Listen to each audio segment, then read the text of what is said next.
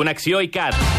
Bona tarda, equip GD. Aquesta setmana a iCat.cat hem entrevistat els creadors i protagonistes del websèrie Nico en Sunset. Escolteu-ne la careta. Escolteu, sembla la sintonia de Neighbors.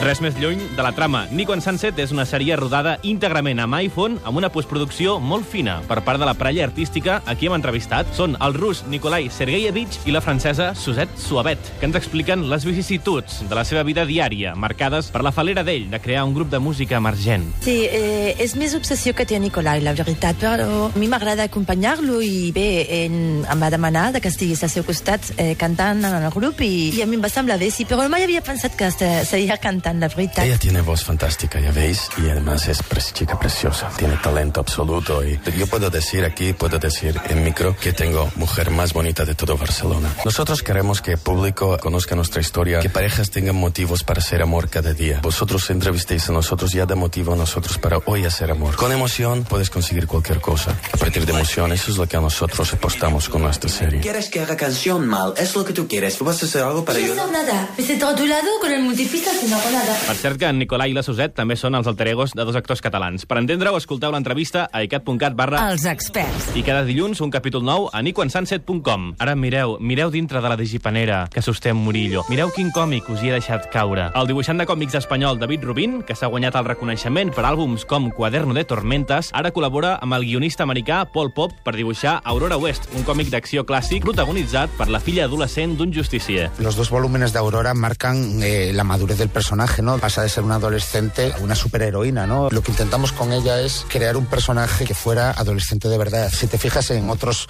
acompañantes de héroes, ¿no? Como puede ser Robin o Bucky del Capitán América, cosas así, son como adultos en cuerpos de, de jóvenes, ¿no? Y aquí no, Queríamos aquí- huir de eso y darle un protagonismo por fin decente a, a un personaje femenino que tuviera fuerza, carácter, Podeu sentir l'entrevista sencera a icat.cat barra cabret elèctric i el primer dels dos volums està dintre de la digipanera. I ara drons, drons musicals.